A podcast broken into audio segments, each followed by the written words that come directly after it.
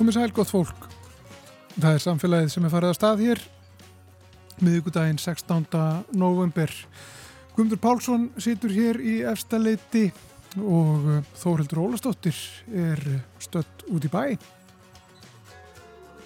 Við ætlum að velta fyrir okkur kólefnisspori Frankvönda erum stödd á fundi hjá landsvirkjun vegagerðinu í Savia um losun gróðrúsaloftegunda frá Franklandum, hvernig megi lámarka hana og hvaða aðgerða er þörf. Við ætlum að tala við fulltrúa frá öllum þessum þremur rísastóru Frankvanda aðlum hér á eftir. Takk fyrir það Þorldur, heyrum meira af því hér eftir smá stund. En við ætlum einnig að kynna okkur starf sem er líknar miðstöðva sem eiga styrkja líknar þjónustu innan heilbyrðis þjónustunar um land allt. Sérhafing í slíkri þjónustu hefur aukist en frekari þróunar er þörf, auk þess sem kallað er eftir meiri stuðningi, bæði við heilbyrði starfsfólk, sjúklinga og aðstæðendur. Við ræðum við Svantísi Írisi Haldunardóttur sem er verkefnistjóri líknar miðstöðar landsbítalans. Málfarsmínutan verður á sínum stað á degi íslenskrar tungu og svo ræðum við af afdrif bíflugna í vísindarspjalli dagsins með ettu Olgudóttur. En við byrjum út í bæ í framkvæmdum og kólefnis fótspori.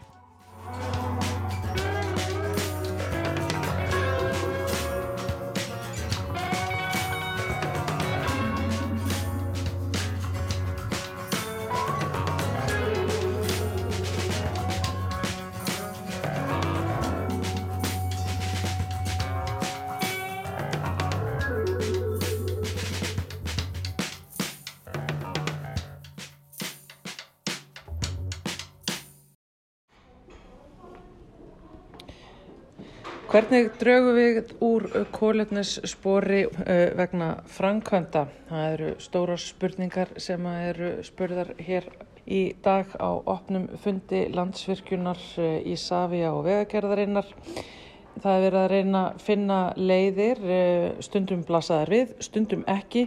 Við ætlum að fá að reyka hljóðnumann undir nefið á þremur mönnum hér sem að tala fyrir þessa þrjá stóru framkvæmta aðlega, landsvirkjun, Ísafja og vegagerðina og heyra hvaða já, áskoranir og möguleikar uh, þau standa frammifyrir þarna.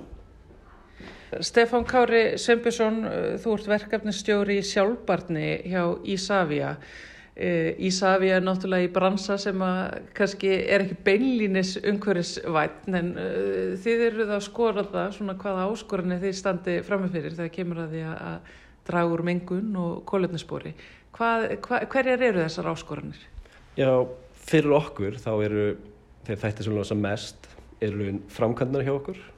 Síðan er það samgöngur til og frá flugöldum og þetta flug. Og flug náttúrulega er 2% af kólinsbóri heimsins og það er alveg mjög metnafullar aðgjör og markmið komna þar að stað eins og rafelsniti að draga úr því. Og það er eitthvað sem við höfum í huga eins og hönnun hjá okkur núna. Þá hugsu við að allir innviðir eins og fyrir elsnit og annað þurfa að geta tekið inn rafelsniti þegar þessi hluti koma inn. Þannig að við erum meðvitað um alla þessa þætti og ef við fyrir eins og í samgöngunar þá reiknum við þetta kóluninspor, við erum meðvitið um það og erum við myndið að skoða núna leiðir eins og varandi næstu útbóð annað fyrir samgöngur hjá okkur, hvernig við tökum þátt í öllum þessum orkusskiptum, hvort sem það eru við, aðri starfsmenn, það er náttúrulega ansið mikið af fólki sem vinnur á flugöldum, þannig að við þurfum að koma inn við eins og fyrir rafbíla fyrir þetta fólk og taka þátt í að efla samgöngur á sveðinu. Einnig eru að vinna með bílalegunum í þeirra orkusskiptum og þurfum líka að hafa í huga að framtöða rútur vera mjög líklega rafmagna vettni og hvernig stuðum við það af því þetta er allt mjög stór þáttur okkur kólunarspori og ef við tökum framkvæmdinar það er gífulega mikil uppbygging sem á sér stað núna keflauguflöðulli og svo sem sagt að, að við erum bara að reyna að mæta þeirri þörf sem kom 2018 ja. Ísland var ansi vinsælt, ansi fljótt og við erum bara að reyna að ná þeirri þörf með þessari uppbyggingu. Og þar erum við mjög meðvitið um kólunarspor framkvæmda og þar erum við búin að setja sjálfbann í ramma þannig við reynum að lámarka allt kólunisspor í öllum framkvæmdum og náum alveg gífulegum ávinningi þar. Um, við áætlum að með sjálfbann í ramma og fá sjálfbann í vottun eins og brem excellent á okkar verkefni þannig að dragur alltaf 930.000 tonnum af kólunissporinu sem er í raun tæplega 1 miljón flugferðar millir keflaðugur á London og það er náttúrulega mjög mikið. Og með öllu þessu með að reikna þetta vera meðvituð og taka þátt í aðgjörum með skýri sjálfbænistefnu þá teljum við okkur ná mjög miklum árangri til 2030 og svo eftir til 2050 og við ætlum að vera kólnins hlutlaus árið 2030 og þetta er liður í því. Kólefnis hlutlaus 2030, þetta er náttúrulega háleitt markmið, raunsætt er hægt að ná í það? Já, við vonumst nú bara til að ná því fyrr. Um, ef við tölum okkar einrakstur sem við tökum inn, þá er það til 2030 og við erum með mjög mikið af vinnuvélum og til dæmis má segja að kóluninsbor okkar er meira háð veðri heldur en fjölda farþega af því að kemlauguflugullur þarf bara að vera opinn þannig að þegar það snjóar mm. það sjáum við nota meira tækin. Og eitt af því sem við erum að skoða núna er að nota lífdísel sem er unnið til á sjálfbaran hátt á þessu stóru tæki.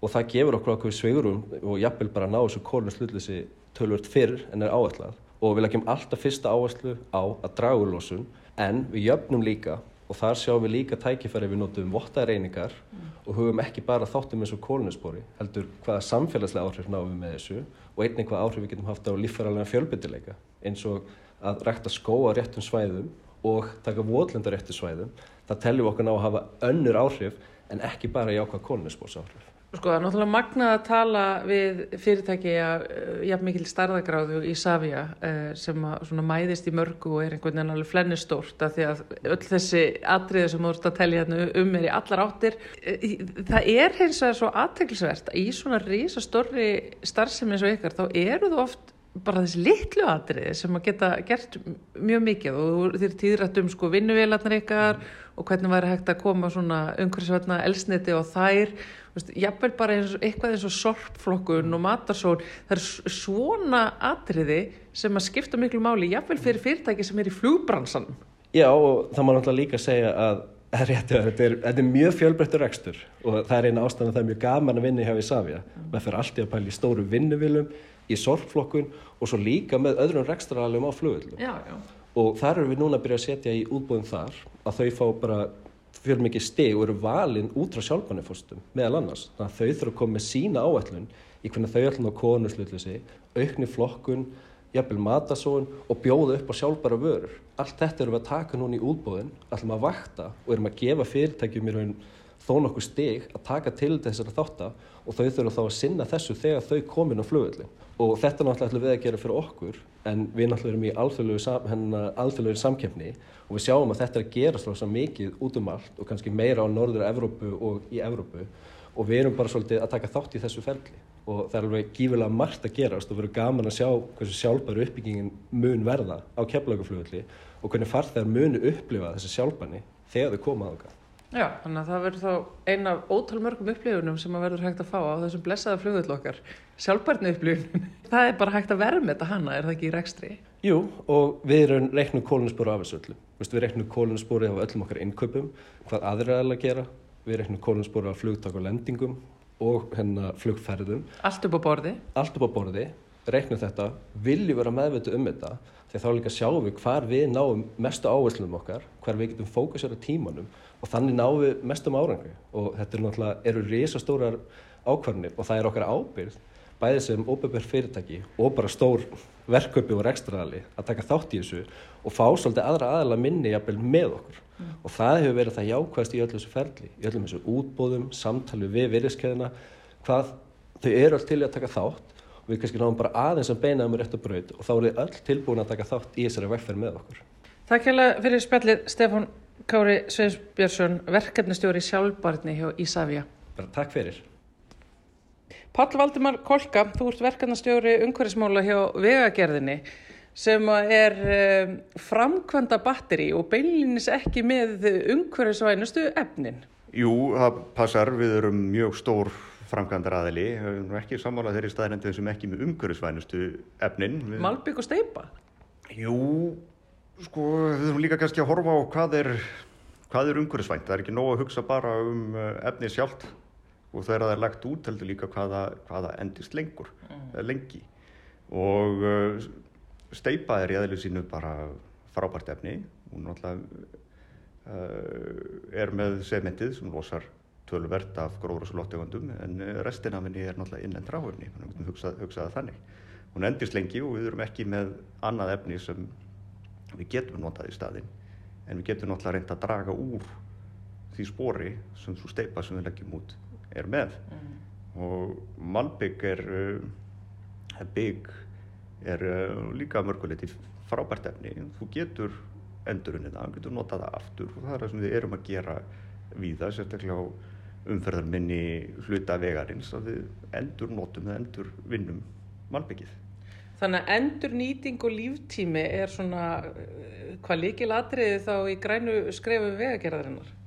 Já, algjörlega og það er líka, það er líka þannig að uh, vegir er einn af þessum hlutum sem við viljum ekki þurfa að hugsa um sem, sem notendur, við viljum bara fara þá Já. og þannig að ábyrð okkar er líka mikil að það sem við notum í veginn, að leggjum á veginn, að það sé þannig og þú takir ekki eftir því að fara, fara á honum. Og það er hluti því sem við þurfum að horfa á í okkar starfi. Við getum ekki skipt út fyrir eitthvað sem við vitum að er með minna kólumninsbori ef það þýðir þá að þú hættir að taka eftir því að þú ert að keira veginn okkar á yfirleiðin í vinna. Vera græn en líka leggja vegi sem að virka? Er þetta mikið vandamál? Nei, við sjáum engin við sjáum nú sjálfnast vandamálinn hjá vegagerðinni, við bara reynum að leysa, leysa það sem kemur upp. Og það eru náttúrulega líka stærri aðrir stærri þættir í vegafrankvöndum sem vega þingra í, í umhverju spórinu og það náttúrulega byrjar á hérna, vegstæðinu og svo hvaðan ferðu efnin í takmarka flutningu efnum, þetta er náttúrulega mikið jarðvinnu losun sem fylgir okkar framkvæmdum. Og rauninni er, er þetta topplag náttúrulega bara örlítið hluti af, af massanum sem fer í, fer í veginn þó þannig sé ábyrjandi. En þegar þið farið og gerir svona útæktir á ykkar kólutnesspori, hvar eru topparnir, hvar eru vandamálinn helst? Uh, tækifærin til þess að draga úr kólutnessporinu að þau liggja í framkvæmda hlutunum.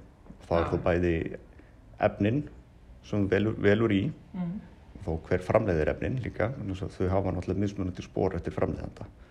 Og svo er það þá flutningur á hjartefnum og, og jarðina, þannig að við erum að tala um uh, hversu langt er þetta að flytja hlutina og, og hversu mikið er þetta að vinna með það.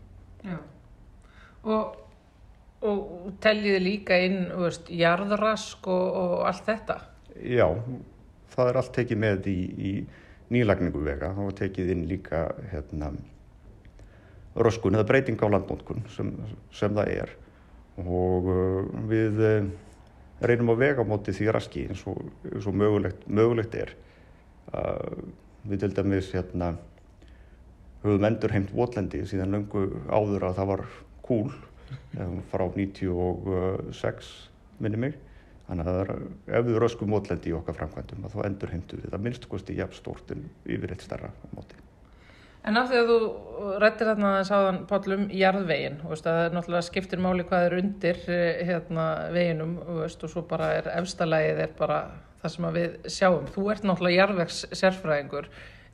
Er, er mikið verið að, að endur hugsa þessi mál þá út frá svona grænum og umhverfisvænum pælingum?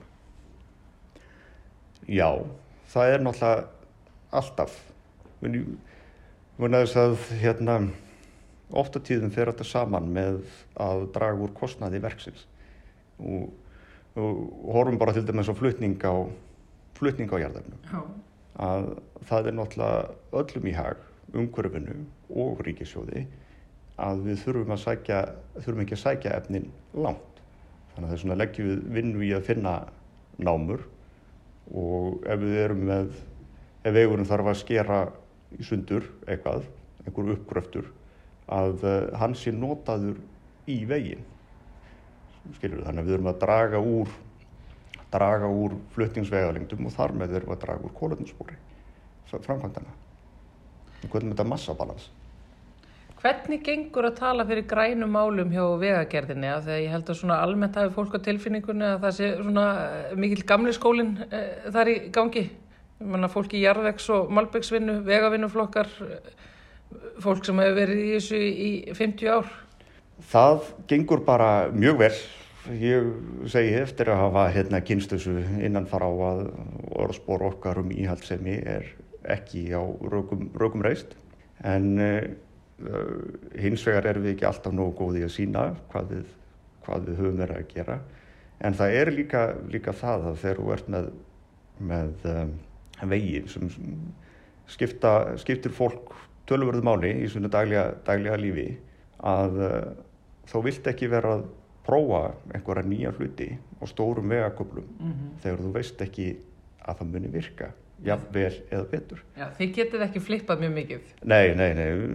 Ég myndi að það var komið eitthvað frábært nýtt efni sem kemur í staðin fyrir Malbygg, hafa aldrei verið nota á Íslandi og við myndum setja það á Reykjanesbröðina svo kemur bara ljósað hérna, það þóldi ekki frost tíðu og væri bara ónýtt eftir mánuð og, hérna, mm. og þá varum við bara upp á umferðar öryggi, upp á endingu og, og upplifun notenda.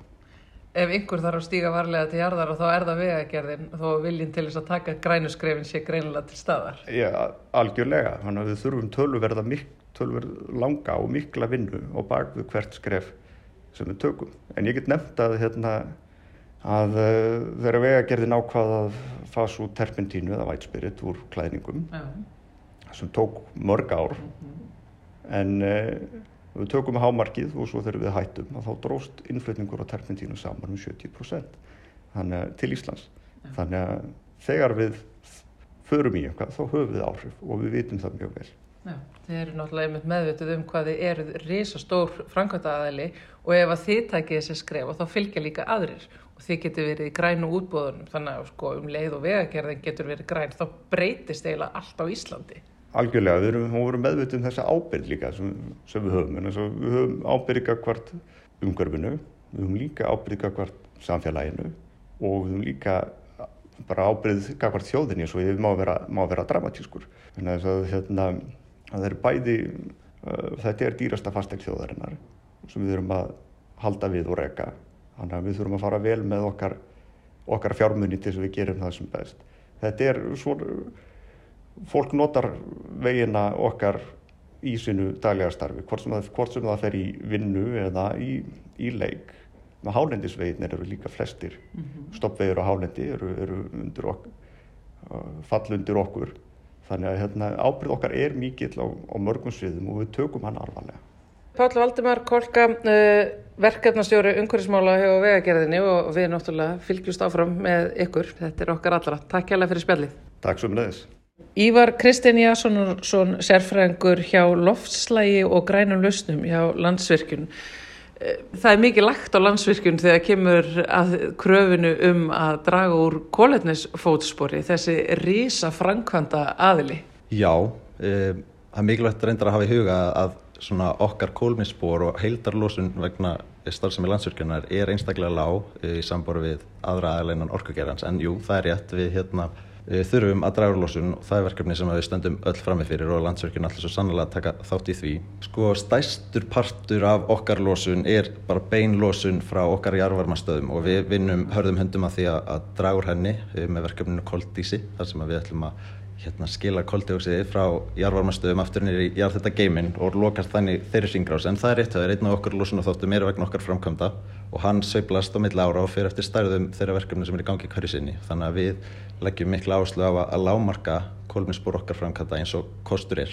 Er það hægt? Öll þessi steipa, öll, allir þessi málmar, allir þessar vélar? Já, það það er bara mjög mikil gerjun í öllum þessum málum bara núna og hefur verið mjög hröð þróun bara á undanförnu síðastleinu ári þannig að margt í gangi En við erum, já, eins og kom fram á, á hérna, fundinum á þann að þetta þarf til þess að þetta muni eiga sér stað þá hérna, þurfum við samvinnu og samstarf allra aðla innan virðis keðjunar. Við landsverkinn getum ekki einn, við þurfum að fá, eða við þurfum öll framlegendu byggingarefna, verktakar, hönnuðir, mannverkjana, allir þurfum að taka þátt í þessari breytingu og, og þetta er svona ákveðin hugarsfarsbreyting sem þarf að eiga sér stað. Við þurfum að þóra og, og prófa að gera hérna, hlutina á annan hátt en við höfum verið að gera við á landsverkjun allavega uh, viljum taka þátt í þessari breytingu og, og ætlum að hérna, taka þátt í þessari samvinnu sem að veriðiskeiðan öll þarf að taka þátt í. Sko af því að þið hafa náttúrulega gert úttækt á, á ykkar starfsemi og það er náttúrulega í mörg horna líta hjá landsverkjun eðlega. Hvað er svona mesta áskorunin? Hvað eru þið svona aðalega klórikur hausnum yfir? Um, ætla að sé ekki núna bara framkvæmdinnar okkar. Við höfum kortlagt mjög ítalega okkar losun uh, og stæsti lósunarvaldurinn í okkar starf sem er, eru jarvarmastöðunar og þar eru við eins og ég sagði að vinna e, koldísarverkefninu og ætlum að hérna, draga saman um hérna, lósun frá okkar jarvarmastöðum um 60% Já. e, árið 2025 Já, þegar tæknin er náttúrulega komin, komin til. Já, og það er risastort verkefni og, og mun skila raunverulegu framlegi uh, inn í markmið íslenska stjórnvalda uh, sem sagt í samdrætti á, á losun á beinni ábyrð íslenska stjórnvalda. Uh, þannig að við erum að vinna hörðum, hörðum höndum að því að draga úr okkar losun uh, en síðan eins og ég sagði þá eru þessar framkvæmdir sem að eru svona Já, það koma svona ákveðnu toppar þegar við förum í, í stór framkvæmdaverkefni og, og okkar verkefni núna, eitt af þeim, er, a, er að lámarka þá toppa eins og kostur er. En er ekki líka þannig að landsverkjun er undir náttúrulega mikill pressu að vera já, eins og græn og hún mögulega getur? Það, það þarf að standa sig. Það er alveg rétt og það eru bara allir e, sem standa frammi fyrir því verkefni. Við þurfum öll að taka þátt í þessari baróttu gegn loslasmanni. Við stöndum öll í þessu verkefni og þurfum öll að leggja okkur á mörgum og, og landsverkjun alltaf svo sannlega að leggja sitt á mörgum þarna. Við leggjum mikla áherslu á loslas og umhverfismál og, og viljum gera vel þar. Ég veit að svo deilt hjá ykkur hefur verið að stækka þessi svona fólki sem er í svona grænu forsvari hérna, hjá ykkur. Þannig að þetta er, þetta er bara svona komið mikið inn í skipuritið hjá landsverkjun. Já, þetta er bara eitt af okkar stefnu viðmiðum að vera leiðandi í lofslags og umhverfismálum uh, og í fyrra var hérna, sérst, voru ákveðna skiplarsbreytingar innan fyrirtækisins þar sem að það var stopnuð sérst, svið sem heitir samfélag og umhverfi og, og það er deildin sem ég vinn á og við hérna, vinnum hörðum höndum að því að gera hlutin eins og vel og við getum þar. Og hauglislega ærum verkefni framöndan. Já, það er nóg að gera og nóg framöndan sem er bara spennandi og við lítum bara sem tækifæri til að gera vel. Við fylgjumst með því hjá ykkur hvernig gengur uh, að takast á við allt þetta hjá ykkur í landsvirkjun Ívar Kristinn Jássonarsson, sérfræðingur hjá lofslægi og grænu lausnum. Takk hérlega fyrir spjallið. Takk svo leiðis. Og takk fyrir það Þórildur Ólastóttir stödd þarna á fundi um framkvæmdir og kólefnisspor sem landsvirkjun, vegagerðin og Ísafja stóðu saman að og þó reyldur rétti þarna við fulltrúa frá þeim öllum um uh, hvernig þau taka grænu skrefin. En í dag er dagur íslenskar tunguhaldin hátíðlegur á fæðingardegi Jónasar Hafgrímssonar. Brahi Valdimar Skúlason hlaut verlaun Jónasar fyrr í dag. Við skulum heyra lag og texta eftir hann Orðin mín heitir lagið og það er Sigur Guðmundsson sem syngur.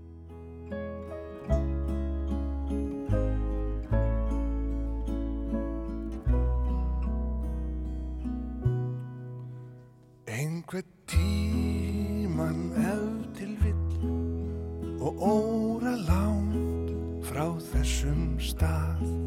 Mun ástinn hörfa heim til því og hjartan styrum knýja að. Og innmitt þá og innmitt þar mun ástinn krefja þig um svar. Og þá er rétt að rifja upp orðin mín. Þau eru styrð, þau eru fá, þau sjálfsagt aldrei flugin á. Þau munu engað síður alltaf býða. Því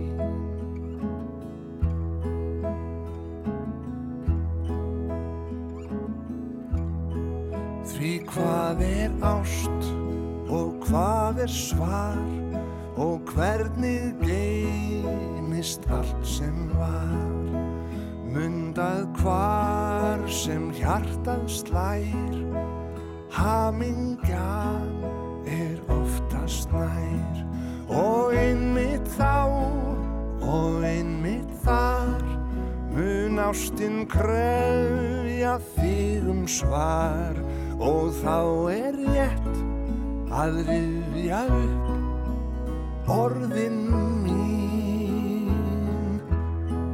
Þau eru styrð, þau eru fá, þau sjálfsagt aldrei flugin á.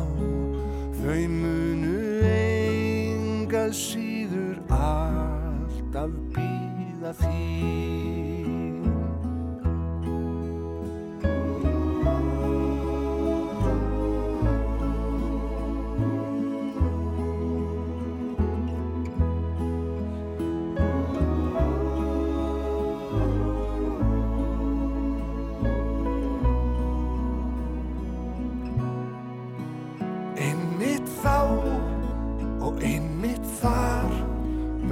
ástinn krefja því um svar.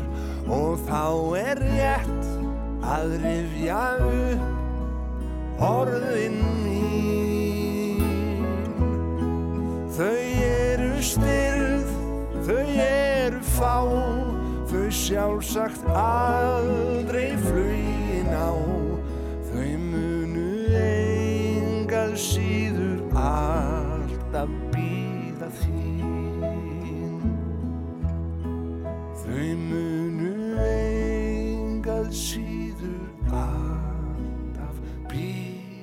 býða þín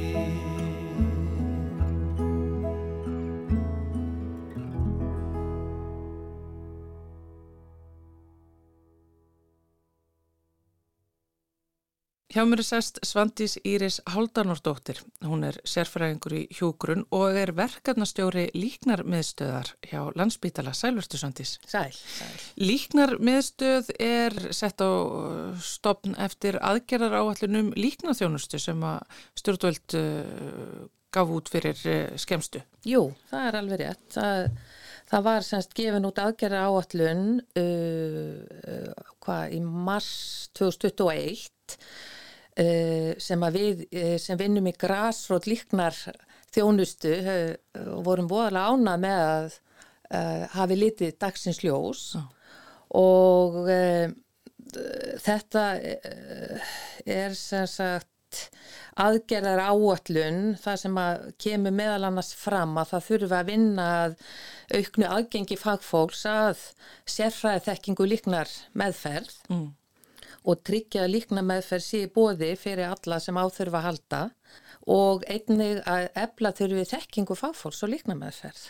Þannig að e, í þessari aðgerra áallun var e, lagt upp með að líknar miðstöðvar eruðu settar á laginnar og í kjölfari var semst líkna miðstöð landsbyggala stopnuð á vormánum þarna 2021 en sangkvæmt skilgreiningu þá er líknar miðstöð þekkingar eining og er ætlað að veita ráðgjöð til þjónustu veitenda um allt land, stuðning, fræslu og þjálfun. Þannig að þetta er fyrst og fremst svona þekking, þekkingar eining. Þannig að hlutverk okkar er að miðla fræslu um líkna meðferð.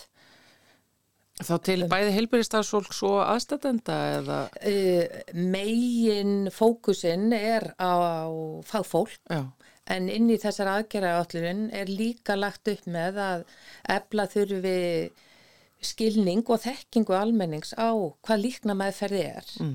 og það er svo sem ekki beint líknar miðstöðin sjálf sem á að gera það þannig ég held að þetta sé bara samstarfsverkefni okkar í mm. samfélaginu Já. að ebla þekkinguna að því að líkna miðstöð bara þannig að til þess að ítrekka það margir hugsaður um að það sé bara eh, einhver miðstöð deild sem þú ferðin og til þess að deyja. Þetta er ekki, þetta nei, er ekki þannig. Fólk nei. leggur svo ekki inn á líkna eða er lagt inn á líkna miðstöð. Nei, nei, sko innan landsbítalans að þar er uh, það sem við köllum sérhæð líknar þjónusta veitt á ákveðnum einingum mhm, spítalans. mm -hmm, og þar er við að tala um líknadeildina í Kópói Við erum að tala um heru sem við sér að líkna heima þjónusta og líkna ráðgjafateimi landsbyttalans og eins og eh, kannski nafni ber með sér að þá líkna ráðgjafateimi að veita ráðgjöf til fagfólks og innan spítalans sem og utan. Þannig að það er alltaf hægt að leita þangað á dagvinnu tíma skulum við segja. Og, og þannig að líknar miðstöðun er svona kannski uh, hvað mann að segja hluti af þessu batteri þannig að, þannig að uh, starfsfólk, þeir hjúknafræðingar sem hafa, er að vinna í líknar ágjafateiminu uh, þeir hafa verið með mér í fræðslu til fáfólks læknar sem eru í, á líknar deildinni eða í heru, heimaþjónustunni, þeir hafa verið með okkur í fræðslu líka. Þannig að, þannig að ok, mitt kannski sem verkanustjóri er kannski píld að pikka í fólk og draga það sem hefur tækifæri og bestu þekkinguna til að miðla fræslu á viðkomandi stað. Já. Þú vísaðir áðan í sko, þig og ykkur sem svona grasrót í hérna, líknar hjúgrun Já, já, líknar þjónustu. Svona, þjónustu já. á, á, hefur þe þessi þjónustas ég hefur hún verið einhvern veginn svona svona jaðarsett að því að veist, er öll áhersla að ná einhvern veginn að lækna fólk og stiðja fólk og halda þau uppi og þetta sé svona að þetta er svona lokin það sé ekki áhersla að ná það kannski er mikilvægt að horfa aðeins á hugtaki líknar meðferð Mm. og, og eins og alþjóða heilbriðismálastofnunin skilgreinir líknar meðferð og það er skilgreining síðan 2002 að þá er líknar meðferð svona einstaklingsmiður nálgun uh, sem veitt er í þeim tilganga tilgangi að bæta lífskeiði sjúklinga sem eru með lífsóknandi sjúkdóma og fjölskyldna þeirra. Þannig að í líkna meðferð er áherslan að meðhundla engjani að hvaða toga sem þau eru. Uh, verkir eru náttúrulega eitthvað sem fólk þekkir uh, og, og tengir oft við líkn en, en og ef mann hugsa um hugtæki lík þá er það að lína þjáningu og við erum allstaðar í heilbríðiskerfinu að reyna að lina þjáningu fólks og þessi sérhæfða líknar þjónusta, jú, uh, að sjálfsögðu er verið að, eru margir við loklífs, skulum við segja. Já. Um, en þar, það er líka annar staðar, fólk deyr annar staðar heldur en á já. Fólk deyr á öllum uh, deildum landsbytala, má ég að segja, eða út um allt land. Þannig að jaðarsett, já, það hefur kannski oft verið tala, sko maður heyrir, heyrir það utan frá sér, oh, líknar deildin, þá eru allir að deyja. Já, já. En það er ekki alveg þannig að því líkna meðferðin, um, þú veist, fólk kemur inn uh, sem er með langengin sjúkdóm og erfið enginni, um, fær meðferð og útskrast jafnvel heim aftur Já. eða á aðra stofnun. Þannig að það deyja ekki allir til dæmis og líknadelt. Nei, alltaf leið. En þetta er þá kannski, ég veit ekki, vandræðgangur bara í okkur yfir uh, því að tala um dauðan og, og, og, og meðtakan og, og, og fylgjast með honum gerast. Já, ég held að það sé, við erum bara, dauðin er ennþá svona eins og við köllum tabú, veist, það getur, við bara leiðum ekki hugan. Ha, ekki fyrir en við upplifum það á eigin skinni að, að einhver okkur nákominn sé deyjandi. Já, einmitt. Það kemur öðru hver upp þessu umræða og veist, eins og hefur verið að gerast nýra og þingi núna varðandi til dæmis að eh, við ættum mögulega hér á Íslandi að opna fyrir það að, að, að döðanum sé flýtt, uh, að fólk fái aðstóð við að, að deyja, þannig að veist, til þess að sleppa kannski við svona langdreið fyrir séð döðastríð sem er eitthvað sem að margir náttúrulega eðlilega óttast. Uh, þannig að sko, veist, það er svona opna svona öðru hverju á þetta, alls konar umræður um döðan, já. Sem jáfnvel er- þó að við séum líka mjög fjarlæga honum. Já, sem er bara mjög gott og ég meina það er mikilvægt að við tökum upp þessu umræði. Hvað svo, sem maður sé uh, með eða á móti því að, að flýta en, en taka upp umræðina. Það er bara, held ég, líkil punkturinn að eiga þetta samtal. Hver svo sem niðurstaðan verður. En einmitt af því sko að, líkna meðferð er náttúrulega sérhæfing eins og hvað annað innan heilbyrðisvísendina. Hvaða þróun hefur verið að eiga sér stað varðandi líknar meðferðir? Hvað hefur verið að breytast eh, hérna svona síðustu misserun og árin? Það sem er kannski mikilvægt að hafa í huga þegar þú talar um líknar meðferð, hvað hefur breyst? Í dag er talað um almenn og sérhæða líknar meðferð. Nú er ég búin að fara aðeins yfir hvað er sérhæð líknar meðferð Einmitt. og það er uh, uh, áhersla þar á að sinna sjúklingum sem er með fjölþætt uh, erfið einkenni og langtgengin sjúkdóm og, og þar í sérhæðri líknamæðferði vinnur fólk sem hefur svona oft, oftast ákveðna sérþekkingu, hefur námabaki, mikla reynslu í að vinna með fólki sem er með langtgengna sjúkdóma.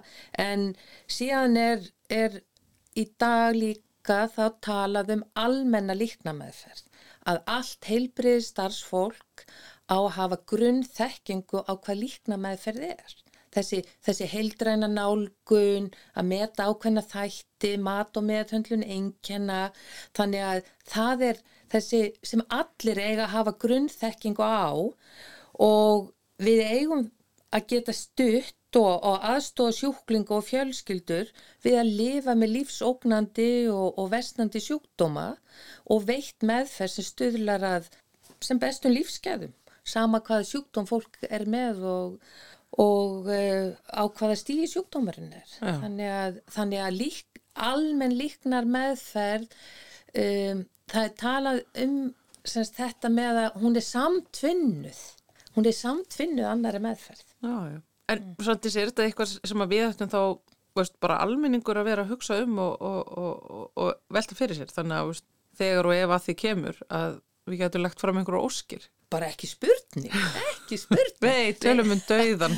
Já. Þetta er ofsa erfitt, en já, já, allt er lagi. Nei, en, en það er til dæmis í þessari aðgerra áallun er, er hérna uh, eitt af markmónum að tryggja það sé reglulegt samtal um meðferða markmið til þess að draga fram óskir og áhyggjur sjúklinga og, og horfa til markmið uh, meðferðar nú og það er vinnuhópur í gangi á landsbytalanum sem er einmitt að uh, taka það verkefni upp og, og er að forprófa ákveðin svona uh, samtalsramma einmitt um þetta hvernig spurju við sjúklinga um óskir þeirra áhyggjur, hvernig þeir vilja hafa hlutina. Uh -huh. Þannig að það er svona doldið spennandi að hérna, hvernig, hvernig það, hvernig framtíðin verður, sko, varandi það mál. Hmm. En talum þið einmitt um framtíðina, eh, varðandi einmitt þessa líknarmiðstöður og hvernig hérna, þetta þróast. Hvert viltu sjá þetta fara? Hvernig, hvernig ætti þetta vera svo vel sé? Sko, maður myndi, myndi náttúrulega eh, vilja hafa ebla fræðslu, nummer eitt. Ebla fræðslu og það verður áskorun að gera það uh, fyrir landið fyrir fagfólk á hinnum ymsu stopnunum það verður líkast til, ég menna nú erum við á fullu að bara búa til eins og myndbandafræðslu getum við kallað, ég veit ekki hvað þetta er kallað það, sem við getum deilt með fólki sem við getum deilt til fagfólk um, um, um, á hennum ímsu stofnunum. Þa, það er eitt að sérst, ha, geta bóðið upp á bara svona grunnfræðslu en, en fræðsla er náttúrulega bara eitt hluti af því að uh, ebla gæði líknarmeðferðar. Þú veist, stopnarnir verða að taka þau upp hjá sér, það verður að koma uh, að, að, að ofan veist, frá yfirmönnum stopnarna líka heyrðu, núna ætlum við að gera betur nú ætlum að hérna, einblýna á þetta þannig að, að semst, við höfum þekkinguna við hérna framtíðasínin er bara við veitum skjólstæðingum bestu mögulegu meðferð umunun og meðferð sem völir á Já. og við, ég held að við getum það alveg ah. En þetta er eiginlega svona krækir sér í uh, alla ánga helbriðiskerfisins þetta er náttúrulega á að vera þá þessi miðstu bæði hér og akureyri Já, og síðan ná þetta svona mm. tegja ánga sína mm. út til mm. veist, öldruna þjónustu og öldruna heimiluna og, og heilsugjastluna, heimahjógrun og allt þetta. Já, Núna erum við að fara að tala um döðan og líkniraunin í öllum hotnum Já, bara sem betur fer, sem betur fer. Þetta á, á fyrir okkur öllum að líka, þetta er með dauðan. Og með, ja. kannski einmitt, svolítið skrítið hvað við forðumst þessa umræðu. Já, Meiri segja sko, veist, já, eins og þú ert að lýsa, stundum líka bara því með faglega sko. Já, og það er kannski á ekki við hér, en, en það er aðteklisvert að uh, við erum semst fengum félagsvísindastofnun til að senda út könnun fyrir okkur uh, um þekkingu almennings á líknarmeðferð mm -hmm. og við þór svona til lífsloka og við höfum ekki alveg fengið nýðustöðnar en þe uh, það er von á þeim bráðlega en það var frekar dræm þáttaka í þessari könnun sem að segja okkur ýmislegt. Sem, akkurat, að því að sá sem ég talaði við hjá félagsvísindastofnun, hann sagði, já, sko það var tölufri fjöldi sem opnaði könnunina, svara einstaklega og lokaði henn aftur. En yfir, og þetta voru um 200 manns, en yfirlegt eru við með svona 20-50 manns sem að uh, gera þetta. Það er bara því að það er ekki þægilegt að tala um dauðan. Þetta er ekkert spennandi. Þannig að þú ert öruglega alltaf að rekast á svona vandræðgang í, í kringum þitt fag. Það er allavega eins og einn ein samstarfskonan mín sagði fyrir mörgum mánu síðan þegar hún var í uh, partí og það var spurt hvar vinnuru og hún sagði á líknandi eldin í Kópófiði og eins og hún sagði það var bara algjör svona partykiller að segja það, það er, eða, eða þú far, er þetta ekki erfið já, eða bara fólk einhvern veginn svona kvítnar upp og bara vill ekki tala um þetta, tala um það bara snýr sér að næsta manni já, sko. bara en, hvað segur, erst þú endur skoðandi segðu mig meira því. Já, einmitt, það, já, það er góða punktir þannig að, já, þannig að en, en, en vinnandi í þessu þetta er bara þetta er bara svo gefandi. Þetta er bara bara indislegt, ef maður getur sagt sem svo að uh, vinna í þessum geira. Það finnst mér. Já. og við værum ekkit að vinna þarna nema að þetta gæfa okkur eitthvað. Hmm. eins, eins erfitt eins og þetta getur verið stundum það er ekkit, ekkit launungamál og en að samaskapið þetta með sko viðþorfið viðþorf að vinna á þessum stað e, í líkna, sérhæðri líknaþjónustu Þetta með ef þú getur linað þjáningu, ef þú getur létt undir, stutt, veikt nærveru, þá hérna, held ég að skipta öllu máli. Mm. Ég menna, aðrir, aðrir velja að vinna á fæðingadeild eða gjörgæslu eða þannig sem betur fer ef við svona mismunandi áhuga svið, skulum við segja. Já, sem betur fer.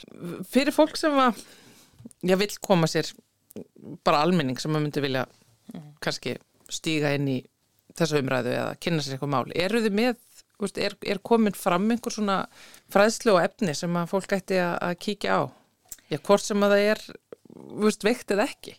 Já, það, nei, kannski ekki alveg komið fram. Það er, það er alveg svona detta í hús skulum við segja mm. Þa, það er eitt af því ég, sem, sem já við erum svona með í deiglunni er, er að koma hérna svona almennum upplýsingum til hérna um líknar meðferð til almennings uh, hvort sem það allir það verði ekki meira gert í gegnum hilsuveru mm. það fólk geti nálgast upplýsinga þar þannig að já, svo einhverju hugmyndir. Já. Bara opnum umræðuna. Ef við þá bara ekki að reyna að hittast aftur og halda áfram að spjalla um þetta bara í útvarpið? Eh, kannski þegar þessi könnun kemur eh, hérna verður gengið frá henni. Já, það væri það væri aðtiklisverð Könnun sem að leiður ljósa fólk og er eftir með að tala um döðan Svandi Sýris Haldunóttir sérfæringur í hjúgrun og verkefnastjóri líkna meðstöðar hjá landsbítala uh, eh, þanga til næst. Takk fyrir spjallið. Takk, takk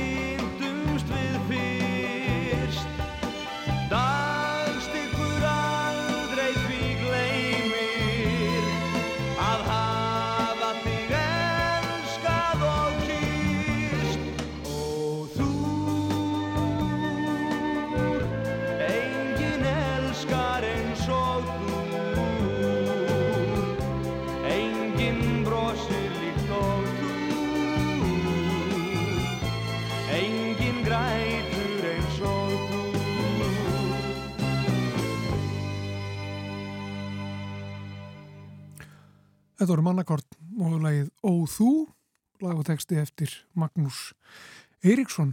En við ætlum hér eftir smástund að vinda okkur í vísindarspjall með Eddu Olgudóttur. En fyrst er að málfars mínútan.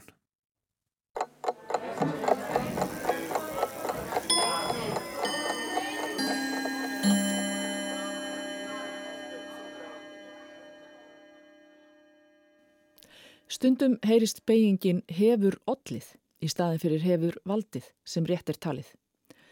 Í máli sjálfs Jónasar Hallgrímssonar var nútíðin af sögninni valda ollir og í þýðingu sinni á stjörnufræði, letri og handa alþýðu eftir G.F. Úrsinn skrifar hann þetta um göngu reykistjarna og tungla um miðnött sinn.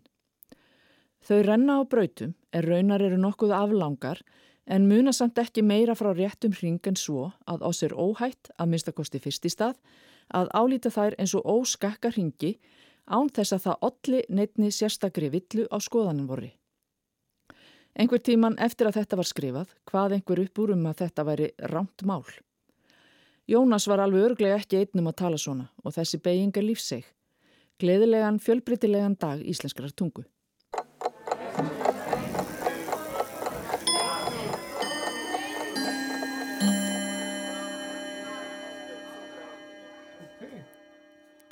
Já, vísindaspjallið farið að stað hérna hjá okkur í samfélaginu. Þetta Olgudóttir eh, sest niður. Sælverst þetta? Sælverið. Við ætlum að tala um bíflugur í dag, ekki sett? Einmitt. Og það er kannski svona, það er, þær eru alltaf að koma öðru kvoru svona í, í hérna, degluna að tala um hvernig bíflugnastofnin er að hnigna og það er sko án þess að ég hef kynnt mér það mjög ítarlega hvernig við mælum það, þá er í raun og veru tvær leiðir til þess að meta hvort að bíflugum er að, fjölg, að fækka. Og það er náttúrulega fyrsta lagi bara talningar en svo líka hérna að því við notum bíflugur til þess að framlega hunang og það, svo framlegsla hún er á niðurleið, þar virðist vera ákveðin svona samdráttur í gangi. Mm. og vegna þess að þessi hérna samdráttur er í gangi og nú eru við svona farin aðeins að pæli því hvað gæti verið að gerast að þá eru alls konar svona rannsóknir í gangi eiginlega til að, að búa til betra hérna kerfi til að rannsaka bíflugur vegna þess að, að hérna, rannsóknir á bíflugum þær hafa yfirleitt verið þannig að það, við erum bara með þar inn á rannsóknastofu í svona einangröðu og, og mjög svona stöðluðum e, í stöðluðu umhverfi. og þær fá bara fæðu sem að er sko hérna síkurvatn Já. og alls konar svona blönd af síkurvatni og það er eiginlega svo hérna svo pæling að þær þurfi kannski að fá vatn líka sem að leiti til þess að þessi rannsók sem ég ætla að tala um er var til. Þau voru sem að, að setjast fram sko þá tilgáttu að við þyrtum kannski að hafa aðeins svona náttúrulegri hérna, umhverfi fyrir flugurnar á rannsóknastofinni og ætlu að skoða hvort það hefði áhrif á lifun hérna, flugnana að vera með vatn en ekki bara síkurvatn í umhverfinu. Og þegar þau fara að skoða þetta að þá kemur í ljós að lifun flugnana e, þegar þau eru að bera saman þessa rannsók sem er gerð núna og aðra rannsók sem var gerð sko 1970 að hérna, meðaltal æfi bíflugu hefur hérna, helmingast Já. sem er alveg rosalega mikið og svona kannski, ég ætlaði nú reyndar að byrja því að tala um þetta áður en ég fór að útskýra rannsóknuna, það er svona smá hérna, forvar, hérna forvari á þegar maður talar um bíflugur vegna þess að hér á Íslandi að þá eru við aðalega með það sem við köllum hunángsflugur, mm -hmm. en það eru ekki samt þær flugur sem við notum til að framlega hunáng og þær eru líka stundum kallar humlur, en þær eru semst af hunángsflugu ætt. Og ég hérna ætla bara að segja það upphátt ég er engin sérfræðingur í þessu þannig að ef ég hef rámt fyrir mér, ef einhver hérna úti er að hugsa að þetta er algjör vittlisa þá er það bara örgla rétt. Þetta er mjög vísendalega aðferð En bíflugur eru sem sagt aðeins skildari og aðeins líkari geitungum vegna þess að þær eru ekki svona loðunar eins og humlutnar eru heldur eru þær hérna ólóðunar og líkari geitungum og það eru þær flugur sem við notum til þess að framleiða hunangið. En hinnar flugurnar, þær búa líka til hunang. Við höfum bara yfirleitt sko notast við þessar bíflugur sem á latínu heita sko apis mellifera. Mm -hmm. Við notum þær til þess að búa til hunangið og það eru þær flugur sem eru sagt, viðfangsefnið í þessari rannsókn. Og þau eru sem sagt að skoða þessar flugur, þær eru teknar úr uh, náttúrulegu umhverfi á einhverju þróskastíði, þær semst, fá að hérna, klekjast út og svo er það teknar inn á rannsóknastofu og eru settar í svona hérna, tilbúið bíflugnabú og þar klára þær sinn þroska og fara svo bara að lifa sínu hefðbundna lífi þar sem er fljúa og sækja sér hérna uh, sigurinn í þá sigur vatn og, er, og, og það var hann að partur af tilrauninni að aðtöku hvort það þyrtu vatn líka. Og kemur þau ljós þegar þau eru að bera saman flugur sem að fá bara sigur vatn alveg eins og við gerðum í gamla daga og hérna flugur sem fengur bara sigur vatn árið 1970 að þær sem að lif, e, voru í rannsóknu 1970 lifða meðaltali í 34 daga en þær sem að við erum að skoða núna lifa meðaltali bara í tæpa 18 daga Mm.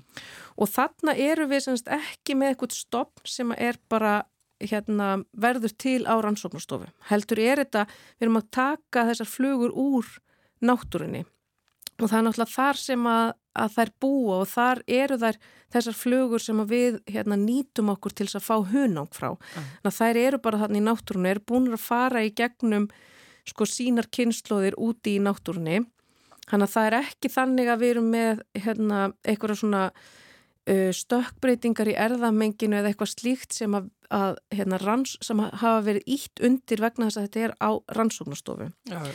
Og manni dettur náttúrulega helst í hug að því það er svona kannski svolítið ofarlega í hug okkar að það er hamfara hlínun, Já. að það hafi einhvern veginn áhrif á, hérna, á það hvernig flugurnar haga sér.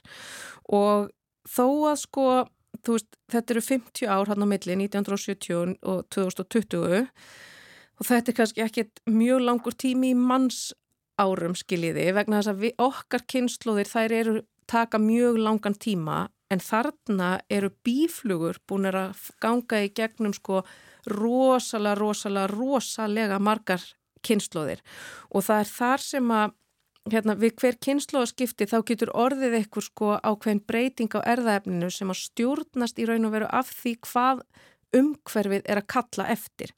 Þannig að ef að þú ert með eitthvað svona eitthvað öfgar í umhverfinu eins og til dæmis er að gerast í hamfara hlínun að þá getum við fyrir tilviljun verið að íta á eða toga í einhverja eiginleika í erðaefni flugunar þar sem að hún hérna þar sem henni gengur betur að lifa af uh, í heitara loftslægi en það kemur niður á því að hún getur ekki lifað í að blengur. Líf, líftímin er eiginlega bara búin að stittast en þú segir hún lifi betur, lif, líður henni vel í þó, ég, þó, hún lifi stittra? Já, ég er að segja að hún, lif, henn, hún lifi betur vegna þess að hún þarf einhverja eiginleika til að lifa af þessa breytingu í umhverfinu sko. og þá eru hérna náttúrulega náttúrulegt val byggist á því að, fór, að hérna, einstaklingurinn uh, lifi að, fram að kynþróska að minnstakosti og mhm. nái að sko ægslast og búa til aðra einstaklingar sem að hafa þeirra erða eiginleika og að, að hérna, þessir eiginleikar sem að hjálpa þeim að komast alla leið á kynþróska og að ægslast að þeir erfist. Þannig að þess vegna er ég að að gefa mér það að ástæðan fyrir því að er lifa stittra að það sé einhvern veginn byggt inn í erðaefnið. Ja. En við auðvitað höfum kannski ekki alveg hérna gögnin fyrir því í þessari rannsók vegna þess að við höfum ekki gert sko einhverja raðgreiningu á erðaefninu þó það væri mjög áhugavert að gera. Svo gæti þetta auðvitað líka bara verið vegna þess að þær eru teknar úr náttúrunni og það gæti alveg verið að það gerist eitthvað þarna á fyrstu stigum þroskans sem veldur því að þær get ekki lifa lengur eða jafn lengi og þær gerðu árið 1970. að þannig að við vitum ekki nákvæmlega hvað að gerast og ég er að ímynda mér að þetta sé og svona það er náttúrulega í að því í greininni líka að þetta sé eitthvað þar sem að við um, með umhverfisbreytingum erum búin að íta flugunum á þennan stað að þær get ekki lifa lengur Já. og það sem að, hérna, þau gera svo í greininni líka er að setja þetta hérna, í samhengi við hunámsframlegslu vegna þess að þegar þú ert búin að stitta æfi bíflugnarna þó að sko þó að hérna, flugurnar endur nýjist inn í búinu þá stittir þú samt tíman sem að flugurnar eru virkar af því þær þurfa að ná ákveðnum þroska og hérna bara alveg eins og við og þá eru þær virkastar á ákveðnu hérna, tímabili á æfinu og svo verða þær þreyttar áður en þær drepast. Mm. Þannig að það er, hérna, við erum búin að stitta það hver, hversu stitta tímabilið sem að vinnu bíflugurnar hafa til þess að búa til hunang. Þannig að þarna getur við verið að sjá sko að hluta til líka ástæðana fyrir því að hunangsframlegsla er í rénun. En sko, það er ekki nefnilega bara hunarsframlegslan svo við tölum að þessum þann hluta bíflugurnana, það eru svo ofsalega mikilvægar visskerfinu, þannig að sko, það er ekki bara það að við fáum mikið hunang og brauð okkar, heldur líka bara náttúran líður mm -hmm. mjög fyrir það að þessi rosalega mikilvægi aðili í mhm. henni mm -hmm. bíflugurnar fari og Algjörlega. þeim farnir svona illa. Algjörlega, þannig að er, við þurfum að maður halda til þess að viðhalda lífræðilegum fjölbreytileika af því að það er náttúrulega gegna rosalega mikilvægur hlutverki við frjókun plantna. Þannig að það er, hérna, þetta er ekki bara það einmitt eins og þú segir að við fáum alveg bótt í tunámkið okkar, heldur er þetta þetta, við halda bara lífkerfinu í raun og veru. Bíflugurnar eru, já, það eru nú nefnilega meira heldur en að það líta út fyrir að vera. Svo það sé sagt, enda Olga Dóttir, takk hjá það fyrir komuna. Takk fyrir mig. Og þannig ljúkuðu samfélaginu í dag. Við verðum hér aftur á morgun, Björndur Pálsson og Þóruður Ólastóttir. Takk fyrir okkur. Verðið sæl.